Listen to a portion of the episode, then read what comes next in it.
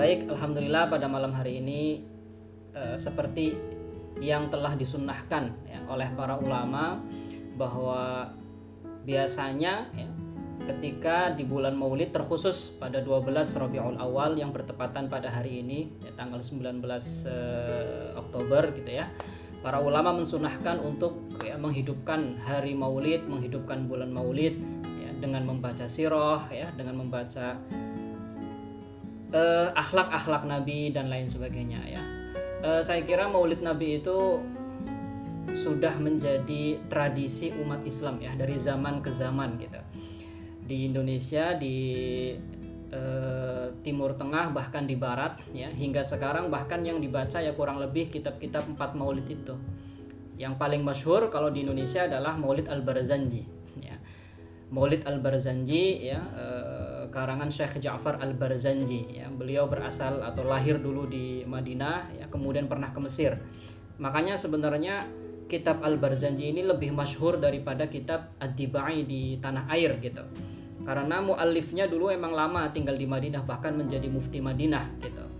Eh, Dan pastinya ketika beliau tinggal di, di Madinah ya, maka murid-murid daripada Syekh Ja'far selaku pengarang Al-Barzanji ini banyak sekali dari kalangan eh, ulama kita Nusantara gitu terutama adalah Syekh Yasin Al-Fadani. Jadi Syekh Yasin Al-Fadani ini termasuk uh, musnid lah.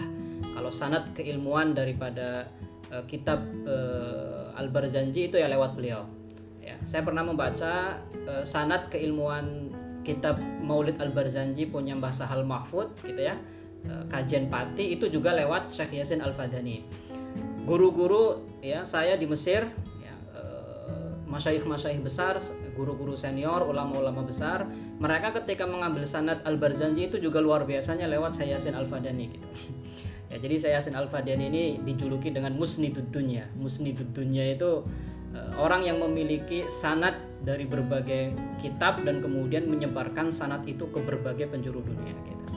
Nah, jadi tradisi pembacaan Maulid ya ini sudah menjadi turun temurun sebagai bentuk ekspresi daripada kecintaan kita. Ya karena salah satu bentuk kecintaan yang namanya cinta itu kan tempatnya dalam hati. Ya kan? Kemudian perlu diekspresikan ya. Salah satunya adalah duduk mengenang membaca sirah Nabi ya Shallallahu Alaihi Wasallam. Karena kita mau mengekspresikan itu tidak bisa seperti seperti Abu Lahab gitu. Ya. jadi ada kisah Abu Lahab termaktub dalam Sahih Bukhari di mana dulu ketika Nabi Shallallahu Alaihi Wasallam terlahir kemudian ada budak daripada Abu Lahab ya namanya Suwaibah. Suwaibah al Aslamiyah ini yang yang nanti kemudian akan menyusui Nabi gitu. Yang kemudian akan menjadi ibu susunya Nabi. Ya, jadi ketika Nabi Shallallahu Alaihi Wasallam lahir Suwaibah al Aslamiyah itu lari terbirit-birit ya jadi mungkin kalau sekarang seperti nenek-nenek tua yang kemudian sambil cincing kemudian lari begitu ya. Farahan biwiladatin nabi. Ya, karena begitu bahagianya dengan kelahiran nabi. Lari itu terbirit-birit ya, menuju tuanya menuju tuanya Abu Bakar. Eh Abu Bakar Abu Lahab. Ya. kemudian terbirit-birit begitu Abu Lahab bertanya kenapa engkau terbirit-birit wahai Suwaibah? Gitu kan. Kemudian aku terbirit-birit karena ingin segera memberikan kabar bahwa keponakanmu itu sudah lahir sekarang gitu Oh iya, betul. Apakah betul sudah lahir? Kata Abu Lahab. Iya, sudah lahir. Gitu kan. Begitu bahagianya Abu Lahab mendengar ya, Nabi itu lahir, ya, dikabari lewat budaknya itu, lewat amatnya Suwaibah itu. Langsung kemudian apa? Seketika ekspresi bahagia itu di, diekspresikan oleh Abu Lahab dengan apa? Dengan memerdekakan Suwaibah. Al-ana ya Suwaibah anti. Kamu Suwaibah sekarang merdeka merdeka dengan cuma-cuma yang tadinya amat budaknya Abu Lahab sekarang dimerdekakan dengan cuma-cuma oleh Abu Lahab sebagai bentuk ekspresi bahagianya uh, kelahiran Nabi Shallallahu Alaihi Wasallam gitu kan. Ya, ini singkat cerita, ya, hadis itu menceritakan bahwa setelah Abu Lahab lahir, ya, kemudian ada salah satu keluarganya, ya, di, di, di, dimimpikan lah, ya, mimpi bertemu dengan Abu Lahab, gitu kan. Kemudian bertanya, Madata jitu ya Abu Lahab, setelah engkau mati apa yang kau dapati nih, gitu kan. Kemudian Abu Lahab menjawab dengan ya boleh dikatakan dengan simple santai karena memang itu kenyataannya. La ajidu khairan. Kata Abu Lahab. waduh setelah aku mati aku nggak mendapati kein keenakan ya kan kenyamanan sedikit pun isinya azab doang gitu kan karena memang dengan nas Al-Quran Abu Lahab itu sudah uh, dicap ya sebagai uh, penduduk kekal di neraka ya kan? Tabat yada abi lahabi wa tab. Jadi Abu Lahab ini dengan nas Al-Quran ya uh, bagian dia itu sudah dicap sejak dini tempatnya adalah di neraka setelah mati isinya azab. Dan beliau mengakui di di, di mimpi di mimpi itu diceritakan la ajidu khairan. Aku nggak mendapati kebaikan keenakan kenyamanan sedikit pun setelah aku mati ah tapi kemudian beliau melanjutkan ya. Abu Lahab ini melanjutkan beliau ya ini sebagai bentuk ke penghormatannya kepada Abu Lahab yang telah mendahului kita. Abu Lahab ini kemudian mengatakan illa anni suqitu yaumal isnin atau dalam wafi riwayatin illa annahu khuffifa anni al adab yaumal itsnaini farhan biwiladatin nabi. Hanya saja walaupun isinya itu setelah aku mati azab aja gitu kan Abu Lahab mengatakan kecuali di hari Senin. Alhamdulillah di hari Senin azabnya selalu Allah ringankan dari aku. Azabnya selalu Allah ringankan dari aku di hari Senin. Kenapa? Ternyata gara-gara dulu ketika Nabi lahir, gitu kan, aku sempat bahagia dan aku mengekspresikannya dengan memerdekakan budakku Suwaibah al-Aslamiyah itu. Ya kan? Makanya kemudian ada syair yang masyhur yang kemudian mengisahkan bahwa Abu Lahab ini ya orang yang sangat musuh dedengkotnya, musuh Islam ya. Kemudian sudah dicap sebagai penduduk neraka yang kekal di sana begitu kan.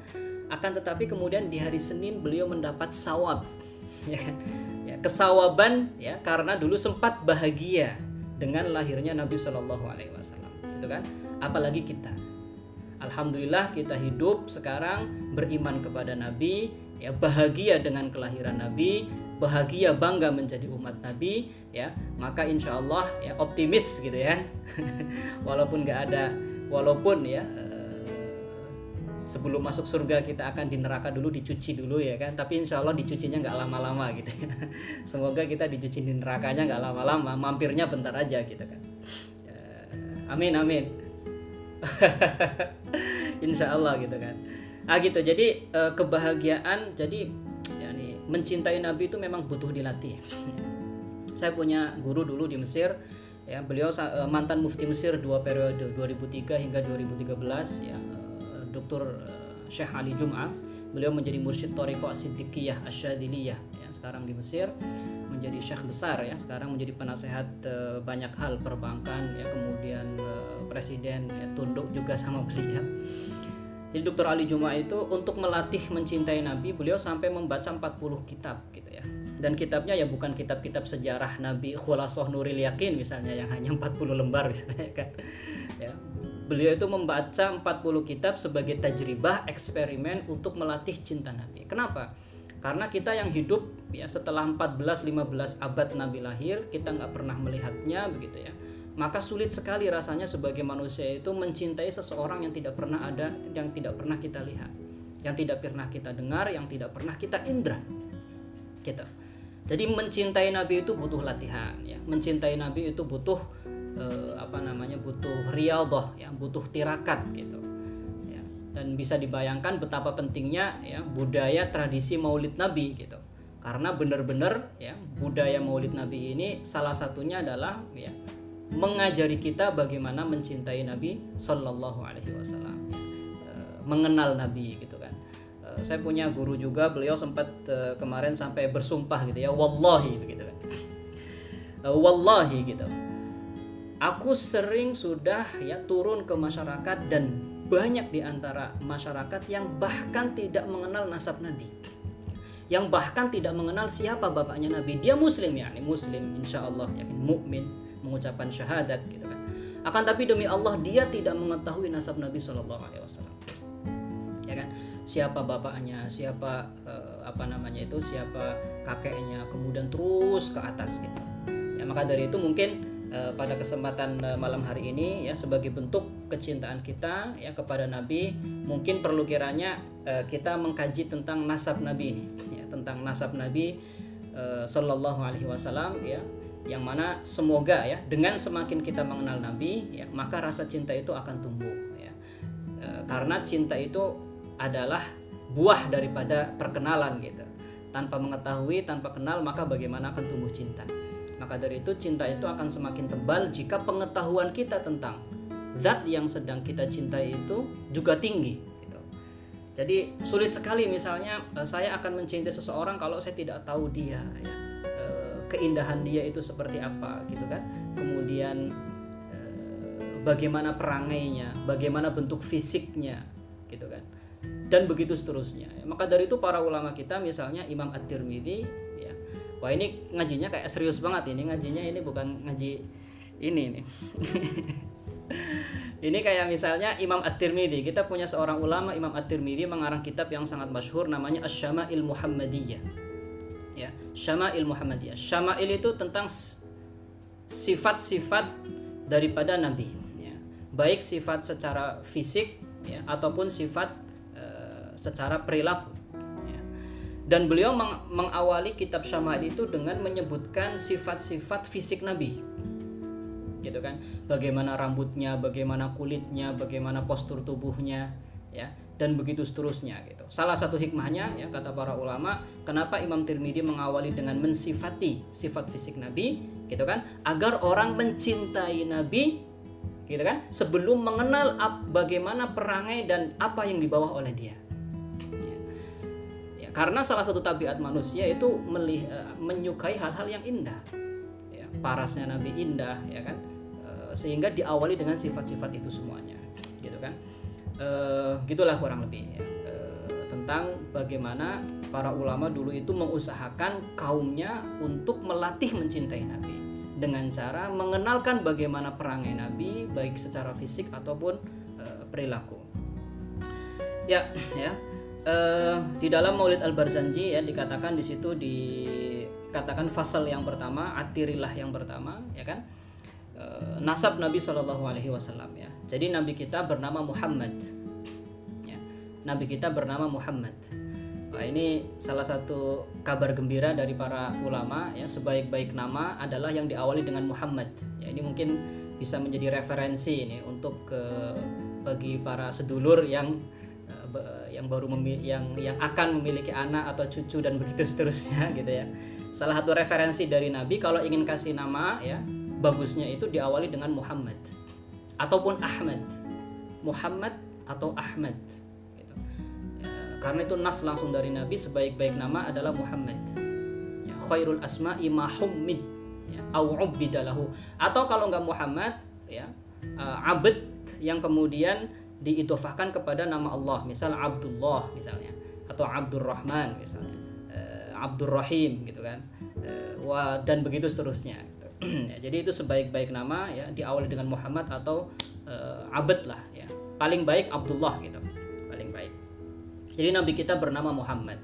Ya nabi kita Muhammad itu silsilahnya paling atas itu nanti keturunan beliau itu nasabnya sampai kepada Nabi Ismail. Nabi Ismail kemudian eh, bin Ibrahim ya. Kemudian sampai eh, Nabi Adam ya, sampai kemudian Nabi Adam Nabi kita ya Nabi Muhammad ya ini nasab semuanya sampai kepada Nabi Ismail dan Nabi Ibrahim sampai kepada Nabi Adam ini terjaga bersih mulus dari perbuatan yang tidak baik ya. termasuk zina termasuk sujud ya, ke berhala padahal di masa jahiliyah Mekah isinya itu berhala semuanya. Mekah isinya berhala semuanya. Makanya ketika Fathu Makkah gitu kan ada 661 berhala yang kemudian dihancurkan isinya itu apa isinya itu berhala semuanya tapi bapaknya Nabi kakeknya Nabi ya eh, dan terus ke atas itu tidak ada satupun yang pernah sujud ya untuk berhala itu tidak ada satupun Ya. Jadi nasabnya Nabi itu terjaga ya, dari perzinahan. Gak ada satupun yang zina. Padahal di zaman jahiliyah itu perzinahan marak. Gitu. Tapi Allah jaga keluarga nasab Nabi ya eh, hingga eh, sampai terus ke atas untuk ya, menyelamatkan eh, daripada Muhammad dari olok-olokan ya, orang-orang kafir Quraisy atau yang eh, tidak suka. Nabi kita Muhammad memiliki bapak namanya Abdullah. Ya. Ini Abdullah ini bapaknya, bapaknya Nabi Muhammad ini Abdullah. Ya. Jadi walaupun bapaknya Nabi itu belum pernah mendengar Islam, tapi namanya itu ada unsur tauhid. Ya. Karena namanya itu Abdullah gitu kan. namanya Abdullah jadi seolah-olah ya memang mereka itu sudah mentauhidkan daripada Allah gitu nah, jadi ini ada pernah ada sebuah riwayat ya. jadi kalau ingin kasih nama kan ditambahkan Abdu Abdu itu artinya hamba ya Abdullah gitu atau sebaik-baik nama Muhammad gitu. Yang penting jangan memberikan nama Muhammad, eh, jangan memberikan nama Allah gitu. ya. Jadi ada sebuah riwayat dulu ada seorang perempuan ya ketika ingin punya anak, anaknya ingin anaknya ini ya sang ibu itu bercita-cita anaknya ini menjadi orang yang luar biasa. Ya, menjadi orang yang kuat ya, pemimpin, raja, kaya raya. Wah, luar biasa gitu. Akhirnya udahlah saya mau namai dia dengan Allah gitu kan. Biar kesawaban sama Allah gitu kan kesawaban nama nama Allah. Gak lama kemudian, gitu kan? Ini sebuah riwayat pernah diceritakan sama guru saya, Dr. Eh, Wisam Hamad. Ya, walau alam ini secara kesahihan ceritanya. Cuma yang jelas, ketika dinamai Allah, kemudian tidak lama kemudian anak itu mati terbakar. Ya. Karena memang antara nama dengan yang dinamai ini punya hubungan gitu. Jadi pemberian nama kepada uh, anak ini akan memiliki pengaruh gitu ketika namanya panas itu biasanya anaknya panas gitu kan. Tapi ketika anaknya lembut latif misalnya dinamai dengan latif artinya lembut insya Allah gitu kan akan menjadi sosok yang lembut sosok yang baik hati gitu ya. Orangnya namanya Muhammad misalnya namanya Ahmad gitu. Maka insya Allah gitu akan menjadi sosok yang terpuji ya, yang baik ya dan begitu seterusnya gitu. Jadi namanya nama, nama bapaknya Muhammad adalah Abdullah. Ini Abdullah ini orang yang menawan. Bapaknya Nabi kita itu adalah orang yang sangat menawan menawan sekali ya. E, saking menawannya gitu perempuan-perempuan Arab pada waktu itu sampai menawarkan diri untuk menjadi istrinya. Gitu kan? Kalau sekarang kan mungkin eh, apa namanya jarang gitu. Yang kemudian eh, apa namanya eh, ada orang yang semenawan itu gitu kan. Sampai kemudian banyak perempuan yang menawarkan diri sampai rebutan gitu. Jadi ketika eh, Sayyid Abdullah itu turun ya, dari rumah. Wah itu perempuan-perempuan sudah menunggu di depan gitu kan. Wajahnya bercahaya gitu kan. Karena memang di dalam tulang rusuknya ya ada cahaya Nabi Shallallahu Alaihi Wasallam gitu. Ya, e, sampai kemudian pada akhirnya ya, hatinya Sayyid Abdullah ya itu berlabuh kepada Siti Aminah yang kemudian nanti ya e, Nur Muhammad cahaya Muhammad berpindah dari tulang punggung Sayyid Abdullah kepada e, pindah ke rahimnya Siti Aminah ya dan kemudian melahirkan baginda Nabi dan menjadi cahaya penerang seluruh umat sedunia gitu. Ya, jadi bapaknya namanya Abdullah ya. Nama kakeknya Nabi kita Abdullah itu bin Abdul Muttalib. Ya, Abdul Muttalib ini juga seorang eh, apa namanya punggawa ya, orang Arab pada waktu itu. Jadi semuanya itu kalau ingin butuh sesuatu datangnya ke Abdul Muttalib. datangnya itu ke Abdul Muttalib. Ya, Syaibatul na namanya aslinya sebenarnya nama asli Abdul Muttalib itu Syaibatul Hamdi. Syaibah itu artinya apa namanya itu rambut putih yang di kepala uh, uban lah ya syaibah syaibatul hamdi karena memang uh, Abdul Muthalib ini beruban makanya di, di uh, rambutnya dari ini muda itu sudah putih makanya namanya syaibatul hamdi ya. jadi sifat-sifat daripada Abdul Muthalib ini adalah orang yang baik ya. Kemudian menyelesaikan turun kepada masyarakat menyelesaikan permasalahan-permasalahan daripada masyarakat yang mana kemudian Sayyid Abdul Muthalib ini adalah putra daripada Hashim nama daripada Hashim adalah Amr bin uh, namanya adalah Amr bin Abdul Manaf.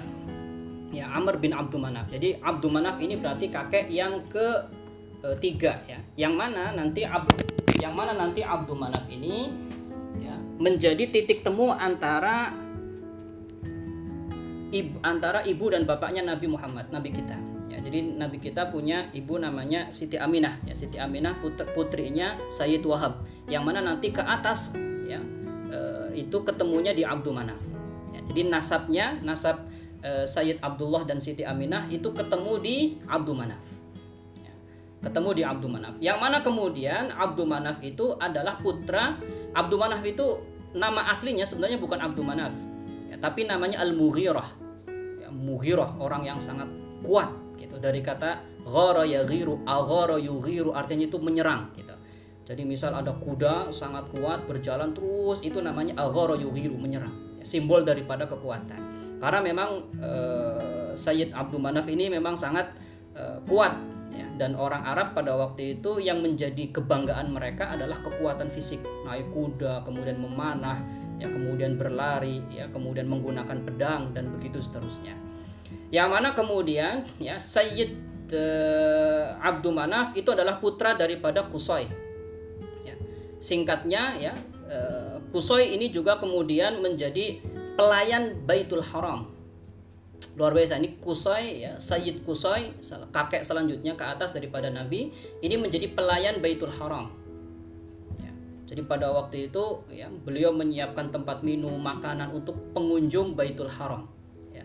jadi sampai-sampai itu eh, Sayyid Kusai itu mengumpulkan seluruh orang-orang Arab siapa di antara kalian yang punya rejeki halal ayo sini kumpulkan ke saya ya akan saya gunakan untuk melayani para pengunjung Baitul Haram. Mulia sekali gitu kan, Sayyid Kusoy. Ya. Yang mana kemudian Sayyid Kusoy ya itu adalah putra daripada Kilab. Namanya Hakim sebenarnya, Ibnu Kilab. Ya, jadi nama nama nama namanya sebenarnya Hakim ya, tapi lebih terkenal dengan Ibnu Kilab. Al-Kilab. Al-Kilab itu sebenarnya artinya uh, anjing gitu ya. ya karena memang salah satu kegemaran Sayyid Hakim ini adalah memelihara anjing ya pada waktu itu. Yang mana Sayyid uh, Hakim adalah putra daripada Murrah, Murrah adalah putra dari Ka'ab, Ka'ab adalah putra dari Lu'ai, Lu'ai adalah putra dari Ghalib, Ghalib adalah putra dari Fihir, ya. Fihir ini adalah kakek yang uh, hampir mendekati 20 lah Fihir itu. Nama aslinya itu Quraisy. Nama asli daripada Fihir ini Quraisy. Maka dari itu orang-orang Mekah, orang-orang Mekah itu dinamakan dengan suku Quraisy, orang-orang Quraisy Mekah. Kenapa? Karena mereka adalah turunan daripada uh, Sayyid uh, daripada Sayyid Fihr. Ya. Yang mana namanya adalah Quraisy. Putra keturunan ke bawah dinamakan dengan orang-orang Quraisy, ya, suku Quraisy. Yang mana Sayyid Fihr yang bernama Quraisy, ya kan?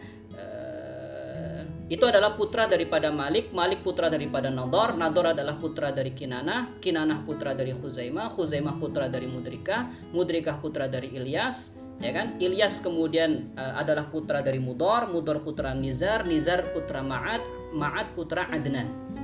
Ya, jadi Sayyid Adnan ini adalah kakek ke-20 nabi. Ya, jadi yang tadi saya baca itu sampai uh, Sayyid Adnan itu adalah kakek yang ke-20 dan keturunan Nabi ya dari bapaknya dari Sayyid Abdullah sampai Sayyid uh, Adnan ya ini yang disepakati oleh para ulama jadi itu nasabnya itu benar ya tidak ada khilaf tidak ada perbedaan di antara ulama tentang nasab Nabi sampai Sayyid Adnan. 20 bayangkan. Ya mungkin kalau saya ya kan itu menghafal nasab sampai 3 4 aja udah lupa. Ya, saya ngertinya bapak saya bapak saya kemudian uh, kakek kakek kemudian buyut habis buyut ke atas sudah nggak ngerti gitu. Kan karena ya ini uh, mungkin siapa? Dulu saya pernah dikasih PR ya oleh oleh kiai saya. Coba telisik nasab kamu sampai 10 lah minimal gitu. Nggak ketemu itu. Bahkan saya tanya sama bapak tanya sama mbah itu nggak ketemu sampai 10 hilang nasab saya itu. Karena betul-betul bukan orang pilihan dan orang biasa saja. Sampai paling cuma sampai empat lah. Gitu kan. Jadi ketika dikasih PR satu kelas waktu itu nggak ada yang bisa mendatangkan nasab paling tidak sampai 10 ya kecuali mungkin yang syarif ya yang habib atau yang e, syarifah gitu ya mungkin nasabnya terjaga. Dan itu pun e, banyak di antara syarifah atau habib yang kemudian nasabnya udah nggak terjaga. Artinya ketika disuruh mendatangkan mana nih nasab kamu sampai nabi? Udah nggak bisa hilang nasabnya. Maka dari itu di Mesir e, ada lembaga khusus yang mencatat e, nasab daripada Eh, para habib dan para syarifah ya. Eh, itu eh, ada gitu khusus mencatat. Jadi kalau dia nggak punya catatan itu gitu maka kevalidan dia sebagai habib dan syarifah itu dipertanyakan gitu. kalau di Indonesia kan asal dia putih gitu kan kemudian hidung mancung insya Allah lah udahlah itu habib gitu kan.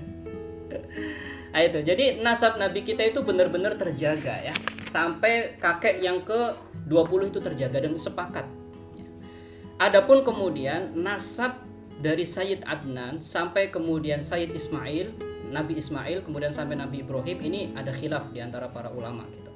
E, tapi yang menjadi titik temu kesepakatan adalah nasab dari Sayyid Adnan itu sambungnya kepada Nabi Ismail nanti.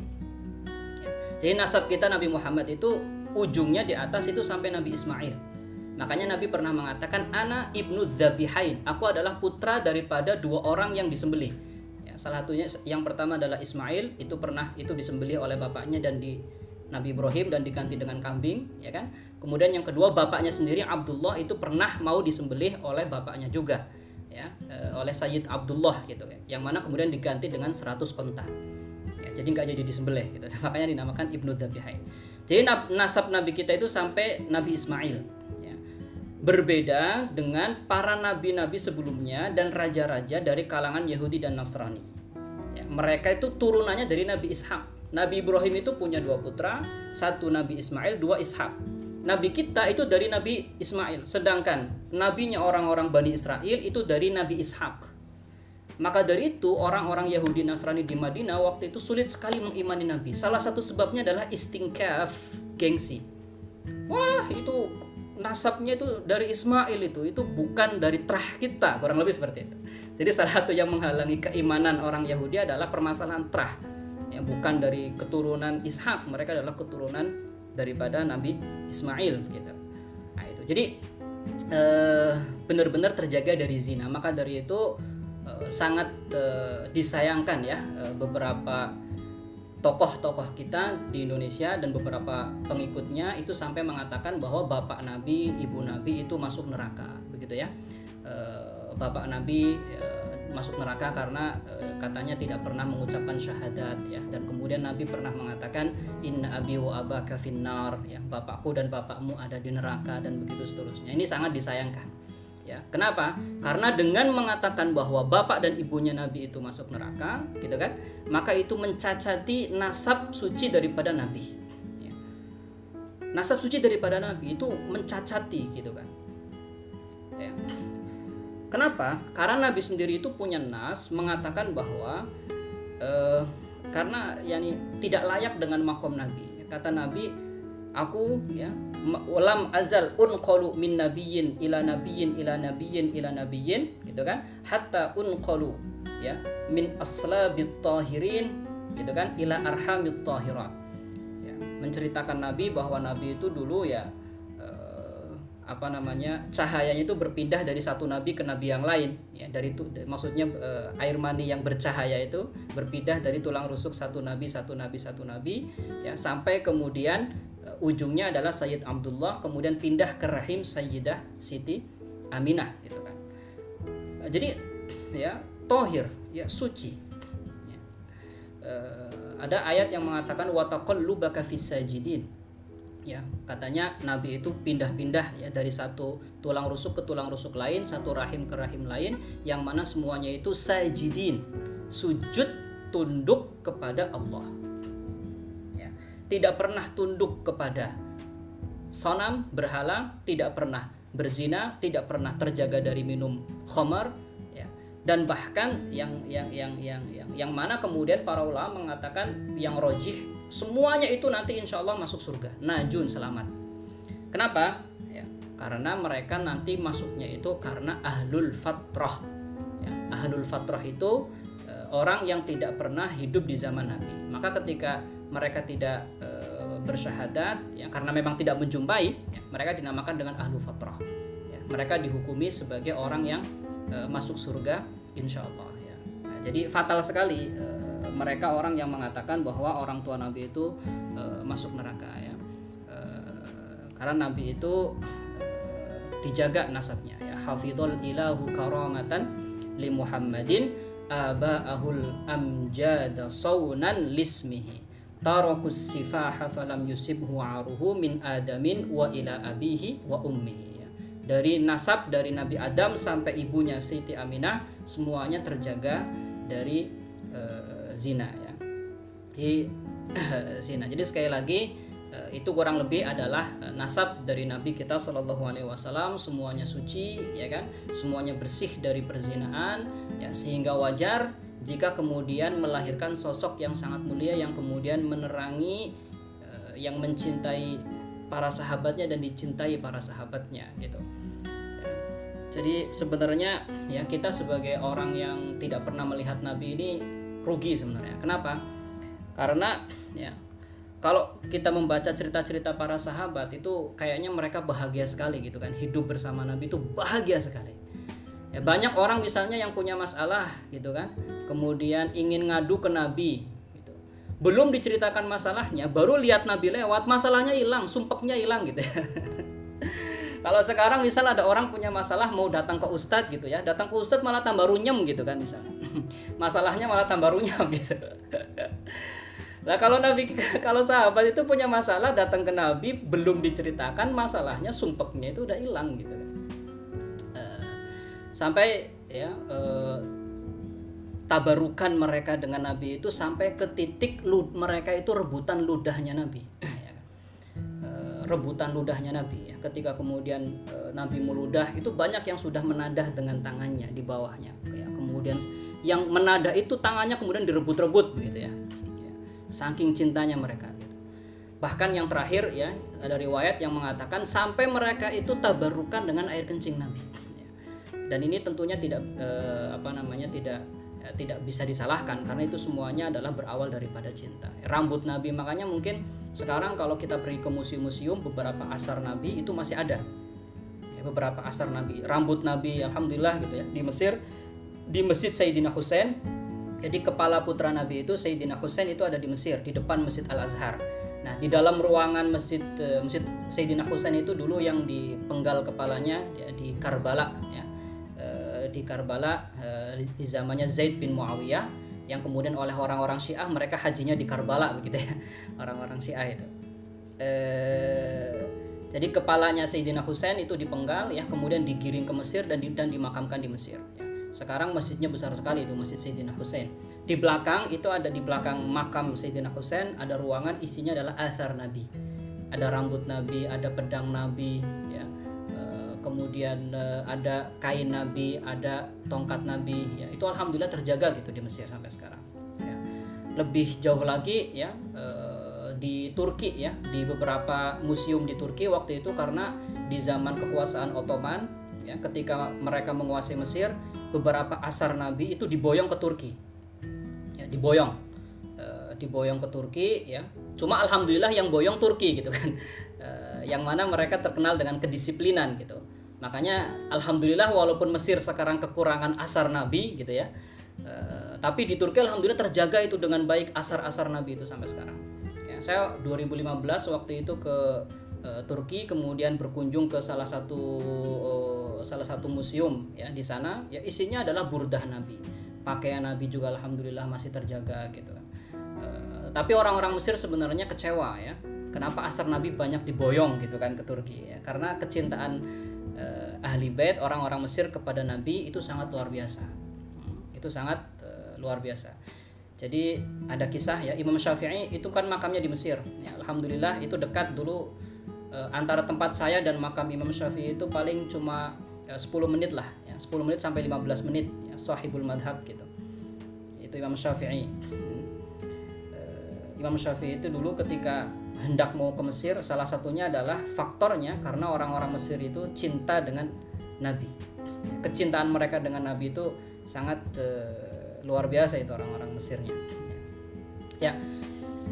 Jadi uh, mungkin sedikit dongeng ya seperti itu karena sudah uh, semakin larut malam mungkin sedikit dongeng tentang Nabi semoga bermanfaat semoga bisa menambah mahabbah kita kepada Nabi Shallallahu Alaihi Wasallam ya dan semoga kecintaan kita terus uh, meningkat ya kata para ulama ya. Fakar ril maulida thummal maulida ya. Kalau bisa melakukan maulid itu terus menerus ya istiqomah bahkan setiap hari kalau kata para ulama ya kan? Ya. Cuma paling tidak salah satu bentuk perayaan kita kepada maulid adalah menghadirkan sifat nabi ya menghadirkan sosok nabi dalam kehidupan kita ya dengan melanggengkan membaca sholawat ya. Jadi eh, sholawat ini insya Allah akan banyak asarnya banyak efeknya untuk menambah keimanan ya kita kepada Eh, Nabi dan kemudian menguatkan keimanan kita kepada Allah ya. Semoga kita termasuk golongan hamba-hamba yang akan mendapatkan syafaatnya kelak ya bijahi hadhil mahabbah ya. Dengan modal cinta ini kita dikumpulkan dengan Nabi ya. Kata Nabi insya Allah suatu saat ya ketika kita nggak mempersiapkan apa-apa nggak mempersiapkan sholat puasa, zakat, haji gitu ya. Eh, dulu ada seorang sahabat yang datang kepada Nabi, "Ya Nabi, mata yaumul qiyamah?" Kapan ini hari kiamat? Ya Nabi tanya balik, "Madza adat talaha?" Ngapain kamu tanya hari kiamat? Emang kamu udah nyiapin apa gitu kata Nabi. Terus dia menjawab, "Aku menyiapkan cintaku dengan Nabi. Semoga cintaku dengan Nabi ini akan menjadi bekal penyelamat aku di hari kiamat." Jadi dia nggak menyiapkan sholat, puasa, zakat, haji yang banyak itulah gitu. Yang dia siapkan cinta kepada Nabi. Kemudian kata Nabi, "Anta ma'aman ahbabta." Insya Allah ya, kamu akan dikumpulkan dengan orang-orang yang kamu cintai. Artinya kamu akan dikumpulkan dengan aku, Nabimu Muhammad Sallallahu Alaihi Wasallam. Syukran jazilan ala usni ihtimamikum. Assalamualaikum warahmatullahi wabarakatuh.